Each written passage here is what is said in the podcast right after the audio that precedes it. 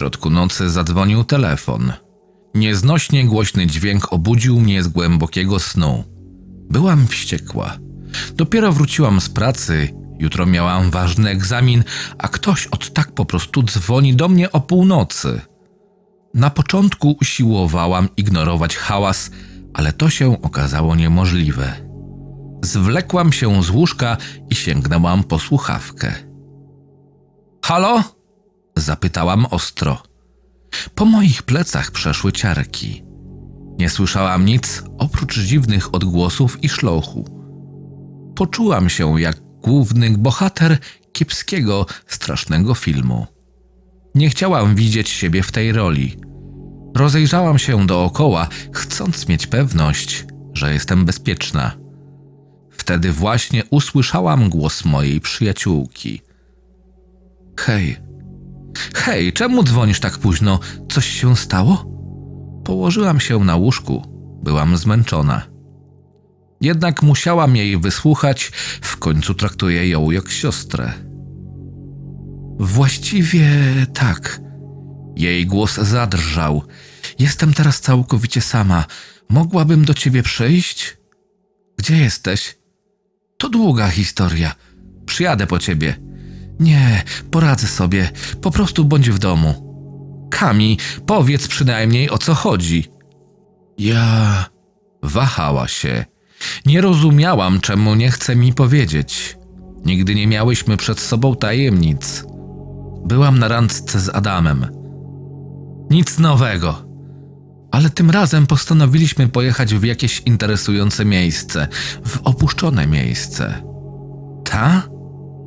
Nawet nie próbowałam ukryć znudzenia w głosie. To nie pierwszy raz, kiedy zrobili razem coś głupiego. I co, znaleźliście ducha? Nie, to znaczy, chyba nie. Nagle w słuchawce rozległ się głośny szloch. Zaniepokoiłam się i przeprosiłam. Nie chciałam jej dodatkowo dołować. Weszliśmy do jakiegoś dawnego szpitala. Było przeraźliwie ciemno, a my mieliśmy tylko badziewne latarki.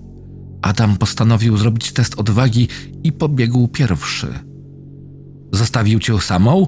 A to dupek! Dogoniłam go, ale on znalazł zamknięte drzwi i stwierdził, że musi wejść do środka. Rozbił zamek i wtedy mm, zaczął się zachowywać dziwnie. Jak dziwnie? Mówił okropne rzeczy, śmiał się. Uciekłam. Boję się. Usłyszałam jej ciężki oddech. Wciągnęłam szybko powietrze, by uspokoić zdenerwowanie. Nigdy nie lubiłam Adama i dla mnie zawsze zachowywał się dziwnie, ale jeśli nawet moja przyjaciółka twierdziła, że coś było nie w porządku, to na pewno miała rację. Wsłuchiwałam się przez parę uderzeń serca w dźwięki w słuchawce. Jeździły samochody i zaczynał padać deszcz. Przynajmniej miałam pewność, że nic niej nie jest. Ulżyło mi, kiedy zdałam sobie sprawę z tego, że nie jest ranna. Po prostu była przerażona. Hej, Ewa, tak? Zapytałam cicho, przejęta troską. Mogę już odejść? Błagalny ton jej głosu sprawił, że moje serce się zatrzymało.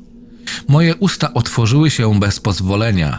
Chciałam odpowiedzieć, ale okazało się, że zostałam obrabowana ze wszystkich słów. W tej samej chwili ktoś zapukał do moich drzwi. Zapukał. Nie, to nie było pukanie. Miałam wrażenie, że zaraz drzwi zostaną wyważone. Deszcz stukał w szyby. Trwałam w bezruchu, dopóki nie rozległ się głos Adama. Ewa, otwórz, coś się stało, pomóż mi! A Adam? Byliśmy w opuszczonym szpitalu. Kami chciała zrobić test odwagi, a kiedy dobiegliśmy do zamkniętego pokoju, zaczęła zachowywać się dziwnie. Otwórz, pomóż mi, Ewa! Krzyczał, a ja nie mogłam się ruszyć. Zastygłam siedząc na łóżku z przytkniętą do ucha słuchawką. Powiedz, mogę już odejść?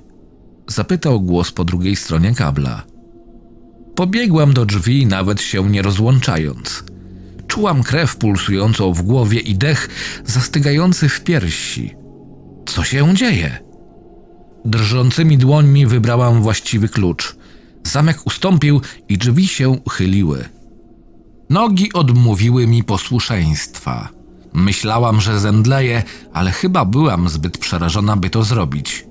Byłam zbyt przerażona, by zrobić cokolwiek. Gałki oczne świeciły w ciemności, a szczęka pozbawiona skóry odsłaniała rząd zębów.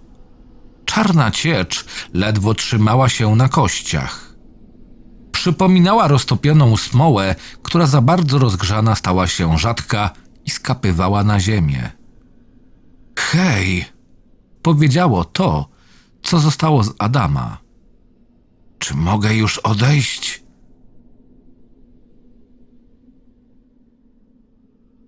Scenariusz Kuro. Czytał Krystian Kieś. Zapraszam do subskrypcji mojego kanału.